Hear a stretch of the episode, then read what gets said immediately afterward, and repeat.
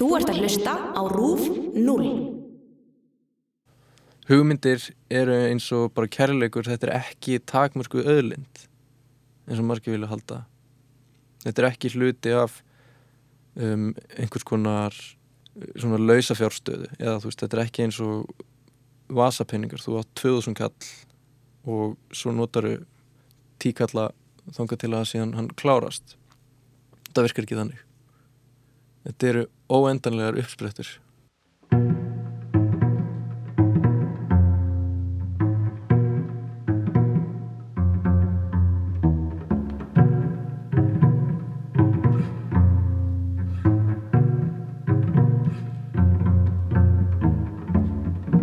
Hæ, ég heiti Hildur og þetta er Skaparinn.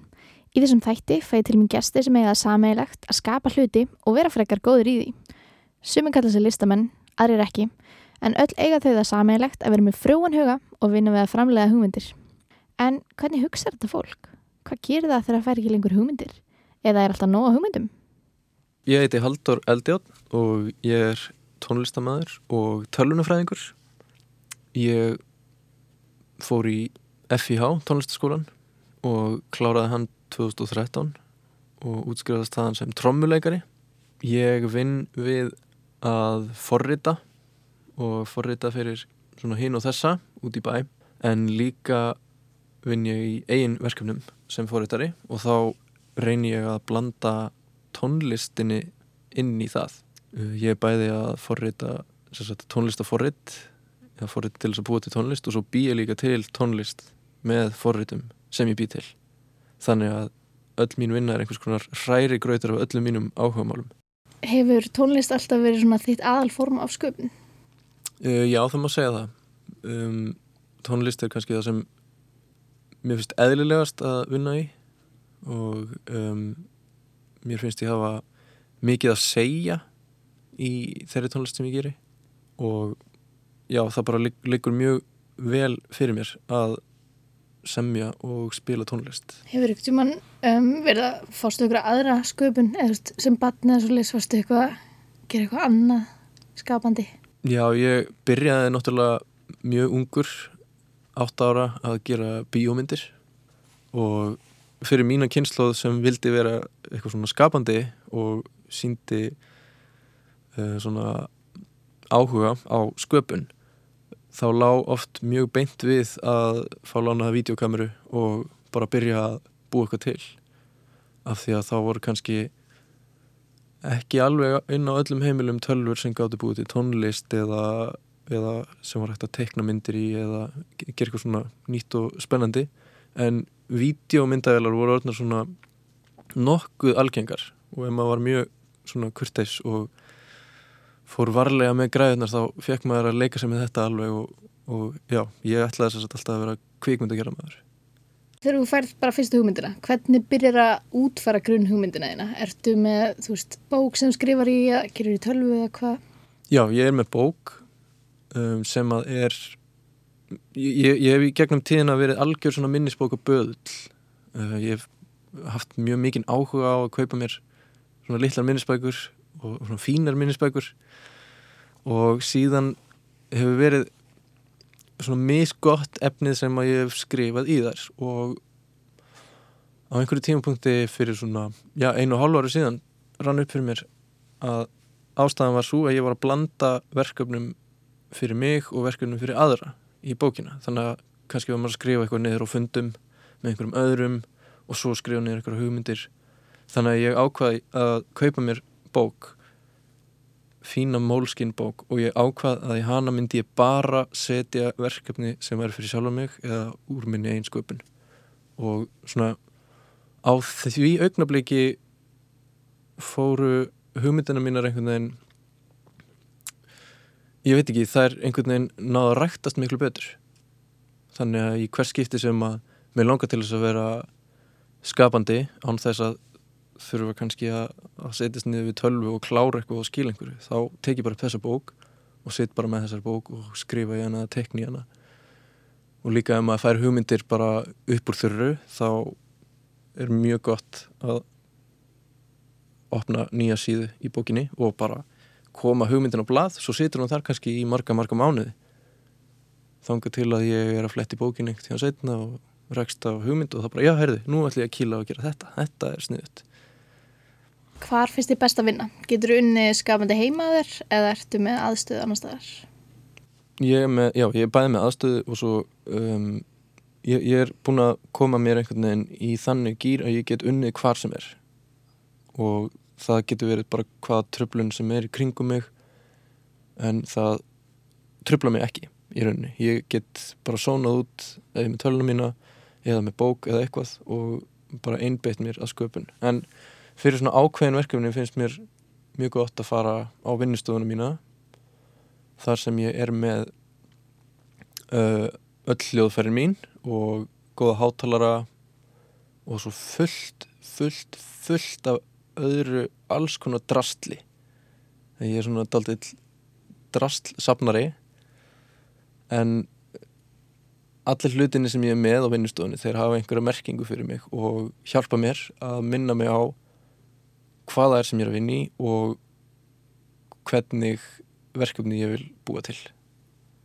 Og allt þetta dót það setur kannski í hillum og maður sér það hverju minnsta degi það minnir mann á hugmyndir sem maður hefur fengið og svo endanum verður kannski hluti af því efni viður í eitthvað verkefni einhvern tíðan setna gamlar tölfur uh, gömul hljómborð hljóðnemar og eitthvað svona drastl sem maður finnur í góða hyrðinum Ertu með rútínu í þinni sköpun? Ég er að prófa það kannski fyrst núna. Um, Dótti mín var að byrja á leikskóla þannig að hún er byrjuð í svona góðri rútínu. Og ég svona sameina hennar rútínu við mína þannig að ég fer með hann á leikskólan og svo fer ég heim og þá get ég strax byrjað að vinna. Um, og fyrir svona fyrirvörandi bímannesku þá er það nýleg og daldið ótrúleg uppgötun hvað eru margir klukkutímar í sólarringnum fyrir hádegi. Og já, núna bara einhvern veginn er ég komin á þann stað að ég get ekki ímynda mér að sofa út. Þetta er bara sko eitthvað sem var óhugsandi fyrir nokkrum árum að var mjög mikið í því að mæta í skólan kannski upp úr 11, 12, 1 eða eitthvað hannig og bara svona sofa alltaf mikið líka fara sent að sofa. En það er einhvern veginn alveg horfið núna. Og já, þessi rútína gerir manni líka klift að vera afkasta meiri. En það tekur smá tíma einhvern veginn að, að venjast. Manni finnst kannski fyrst eins og þetta sé orðið alltaf þurft og maður verði að gera eitthvað. En ég hef einhvern veginn náða að halda, halda gleðinni í þrátt fyrir stránga rútínu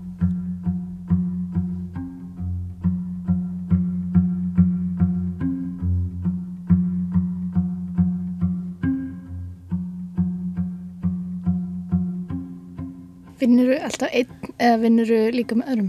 Uh, ég vinn mjög mikið einn. Ég er sjálfstæðstarfandi sem forritari en um, er nú samt oft í, í verkefnum sem eru í samstarfi aðra forritara. Um, en svona í minni sköpun þá, þá kannski byrja ég alltaf einn en svo grýp ég með mér hefileika ríkt fólk til þess að taka verkefnin áfram með mér eða til að taka við þeim jafnvel og svo náttúrulega er ég líka oft beðin um að vera með í verkefnum þannig að, jú, það er bara bæði Hvað gerir þú þú ert stopp? Hvað gerir þú ert með sköpunastíflu? Þá er mjög sniðugt að reyna ekki að pína sig áfram þá bara standa upp lappa eitthvað fram fara að gera eitthvað annað fá sér kaffibotla horfa út um gluggan eða eitthvað og sjá hvort að maður geti haldið áfram. Stundum fæ maður bara ógjá þá þá maður bara kæla það verkefni í smá tíma. Stundum vil maður fara bara þá bara beint í eitthvað annað. Kannski vinna eitthvað svona heilust verkefni gera skattin eða eða hérna fara á Twitter eða eitthvað ég veit ekki. En ég reyni aldrei að forsera sköpun. Ég er oftast með kannski svona fjögur verkefni að minnstakosti í gangi í einu. Og það fer allt eftir dagsformi hvaða verkefni ég ákveða að vinna í. Já, ég, ég er oft kannski bara á leiðin á vinnustöðuna að velta fyrir mér hvað ég ætla að gera, hverju ég ætla að byrja á. Stundum verður maður náttúrulega að gera eitthvað sem liggur á, það er oftast fyrir einhvern annan eða ef maður þarf að senda út reikninga eða eitthvað þannig. En ef það er bara svona, maður veit að maður hefur tíma fyrir bara einhverju smá sköpun og þannig þá vel ég bara það sem ég er í allra mesta stuðinu til að gera akkurat þá. Og já, það hefur hjálpað mér mjög mikið að vera alltaf með svona mikið dót í gangi. En þá sam, að samaskapi tekur það mig miklu lengri tíma að klára allt þetta dót. Þannig að ég byrja verkefni þá kannski klára það eftir eitt ár eða, en það er líka allt í lagi. Þannig að þú hefur aldrei fengið svona einhverja stípli lengri tíma. Og bara skiptir þá milli verkefna í staðin Já, ég kannski bara líti ekki alveg á það sem stíplu Náttúrulega nema maður sé, sko, maður viti að maður verða að skilja einhverju kannski lægi eða gera eitthvað og maður bara dettur ekkert í huga eða það gengur ekkert. Um, en svona í minni eigin sköpun þá þýðir það venjulega bara að það verkefni þarf bara kælingu í lengri tíma. Þá bara setur það í minnisbókinu og býður í halvt ár, eitt ár, tvö ár eða eitthvað. Svo kannski tjekka maður á því þá og þá er það snild og maður er þetta fullt í huga eða bara, þú veist, já, já, þetta þessu verkefni var ekki ætlað að klárast. Þetta er kannski ekki það góð hugmynd eða eitthvað. Það er líka mjög mikilvægt að átta sig á hvenar hugmyndirnar eru ekki góðar. En maður verður alltaf að gefa þeim alveg fullt að sen sem áður maður, áður maður tekur þar alveg út á borðinu. Hefur ekki maður fengið tilfinninguna að þú sérst búið með alla góðu hugmyndirna einar og sérst svona búið með sköpuna kvótan Nei. Uh, eða jújú, jú, ég fengið þetta á tilfinninguna alveg, en, en ég veit að þetta er ekki satt þetta er allt bara hugmyndir sem maður býr sér til um að einhvern tíman hlýtur þetta nú að enda eða ég get ekki haldið svona áfram og fólk mun missa áhugan á því sem ég er að gera eitthvað. En það bara ef maður er fixeraður inn á þessa hugmyndafræði þá eru meiri líkur á að það muni bara enda þannig. Þannig að ég er ekkert að ekkert að spá í því sérstaklega. Er eitthvað sérstaklega sem veitir meiri innblástur en annað Allt sem pappi minn hefur skrifað pappi minn er Þóru en Eldi á ríðtöfundur veitir mér alveg gríðarlegan innblástur ljóðinans og smásöðunar og skaldsöðunar ég veit ekki hvað það er en það er bara eitthvað við það að lesa ljóð eftir hann sem bara gefur mér gæsahúð og einhverju svona styrlunar tilfinningu bara yfir bara svona, svona stílinans er mjög flottur hann er bæði hátilegur en samt líka pöngaður á eitthvað svona rosalega fáaðan hátt. Þannig að það, já ég myndi segja að, hann veitir mér rosalegan innblástur í mörgu sem ég geri. Annað sem veitir mér innblástur það er þegar mér tekst að brúa mörkin á milli tekninar og listarinnar. Þannig að maður veit ekki alveg hvort að maður er að horfa eða hlusta á verk eftir mannesku eða vel það er einhver svona jáðar þarna sem ég vinn mjög mikið á. Um, oft þarf maður að hjálpa vélunum aðeins til þess að það er hljómi meira eins og menn eða eitthvað. En það, það er einhver svona það er einhver svona sweet spot eins og maður segir þar sem mjög mikið af mínum hugmyndum myndast. Og þá þarf ég oftar en ekki bara að fara og lesa einhverjar fræðigreinar eða eða skoða bara YouTube, ég skoða YouTube rosa mikið. Svona algjör og sérfræðingar á sér sem vídjón eru með bara 23 views eða eitthvað, einhver vittlisingur á Nýja Sjálfandi sem er búin að loða saman eitthvað drastl og það er bara endalus uppspretta af hugmyndum sem getur komið út úr einu, einu góðum svona YouTube ring ég held að margir tengið þetta YouTube er bara hinn hin fullkomna einhvern veginn svona sérfræðinga síða, miklu betri en eins og Wikipedia eða eitthvað af því að það er einhver reglur, þetta er svo óformlegt en það er allir samt að leggja sér rosa mikið fram við að búa til einhverja litla sjónvarþætti um bara rosalega þröng eh, topic Mánst eftir einhverju skrítnu aðtöki eða hlut sem hefur veitir innblástur? Ég er rosalega svona næmur fyrir hljóðum. Og þegar ég lappa inn í herbyggi þá pæl ég rosa mikið í því hvernig hljóði berst um herbyggið og hvernig hvernig eigintíðinni herbyggi sem er hvort það sé eitthvað sem heyrist meira í enn í öðru. Og ég banka og lem í hluti alveg grimt á þess að taka eftir því til að aðtöða hvort það komi flott hljóður þeim. Og þetta er sennilega eitthvað svona úr slagversnáminu eitthvað svona tendens sem maður fær.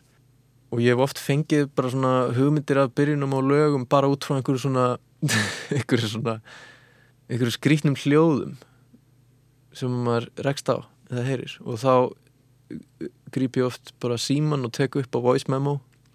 Já þetta geta verið þetta geta verið alveg hinnir stórfurðulegustu lutir Þegar þú ert að skapa spáru í því hvernig fólk muni skinja listina þína eða hvernig fólk muni taka í það hvort þetta verði vinsælt, spáru eitthvað í svoleiðis lutum Stundum.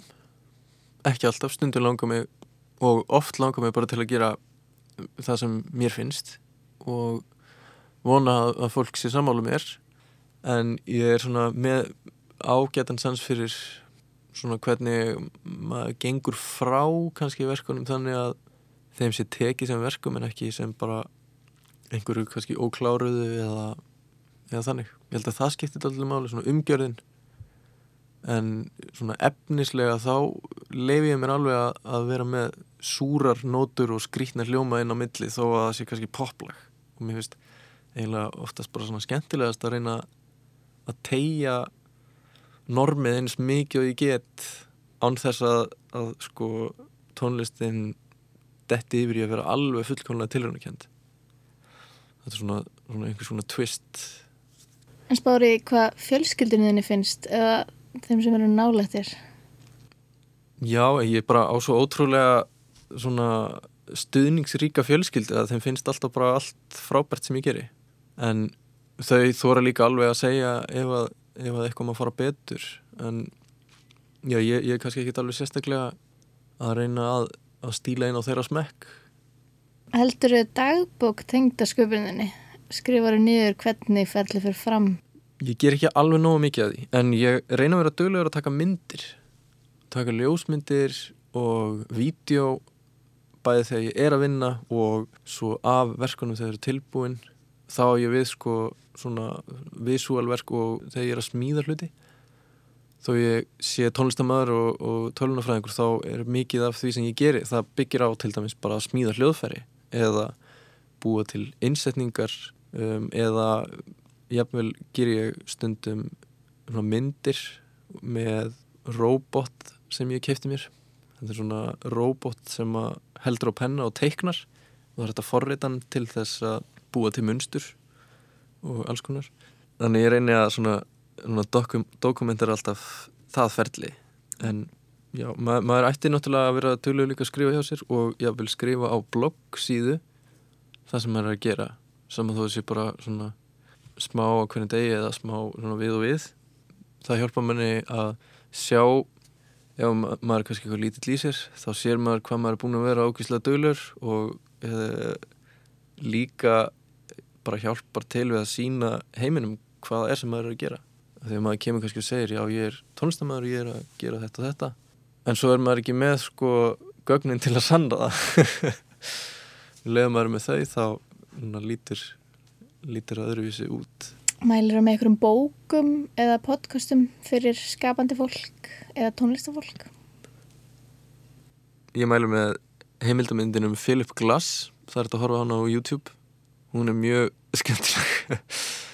Um, Já, svo las ég bók sem heitir The Nature of Code sem fjalla mjög mikið um hvernig maður getur notað forritun í listsköpun og setur fram á rosa einfaldan og þægilegan hátt bara mjög skemmtileg dæmi. Og þá maður kunni ekki að forrita þá getur maður að nota þessa bók til að læra það.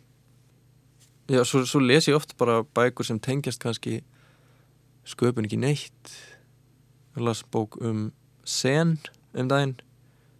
Eða þetta voru svona eins og stutti fyrirlestrar um hvað sen er og um, já, um sen bútisma og þó ég sé ekki búin að taka upp búta trú að þá reyfir þetta einhvern veginn við svona hugmyndastöðum í höstum á manni. Hvað er besta ráð sem þú hefur fengið?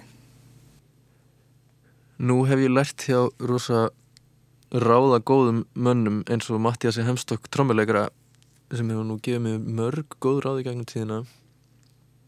Já, kannski síðust, síðust skipti sem einhver hefur veitt mér einhver svona ráð var bara þegar ég var í FIH að læra. Og það er eitt sem situr í mér úr tíma hjá um, Stefáni Stefánsinni sem er já, svona, þekktur fyrir að hafa samiðlaði Disco Frisco. Hann var að kenna mér í fæi sem heitir Jazz útsetningar sem er svona þá var verið að kenna manni að útsetja fyrir hljóðfæri og þá ritmíska tónlist eða svona eitthvað á jazz og, rock og eitthvað svona.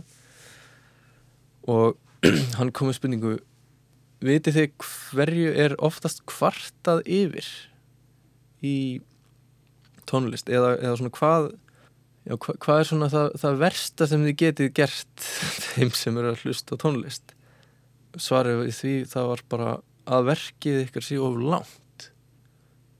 Bara þannig að verkefni sem við áttum að skila bara ekki hafa þetta of langt. Ekki reyna að trúða miklu inn. Kannski vera bara til þess að væri fljótar að fara yfir það eða eitthvað, ég veit ekki. En ég hef samt, ég, þetta alveg mér fannst það vera mjög gott ráð, ekki of langt bara til allara tónskölda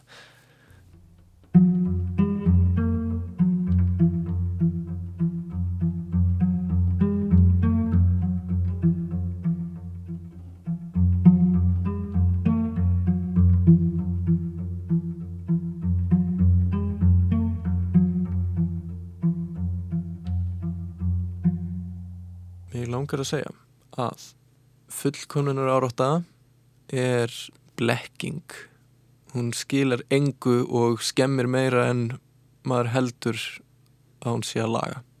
Þannig að forðast fullkonunar árátta og frekar sætta sig við að skila einhverju sem manni finnst er 80% tilbúið heldur en að reyna að klára það upp í 100% og hætta á að drepa verkefnið endanlega eða að það bara hreinlega komi aldrei út því maður er aldrei sáttu við það frekar reyna að sætta sig við það að 80% eru kannski 100% á ekki að vera svona motivational speaker bara Dale Carnegie getur bara fara að passa sig sko.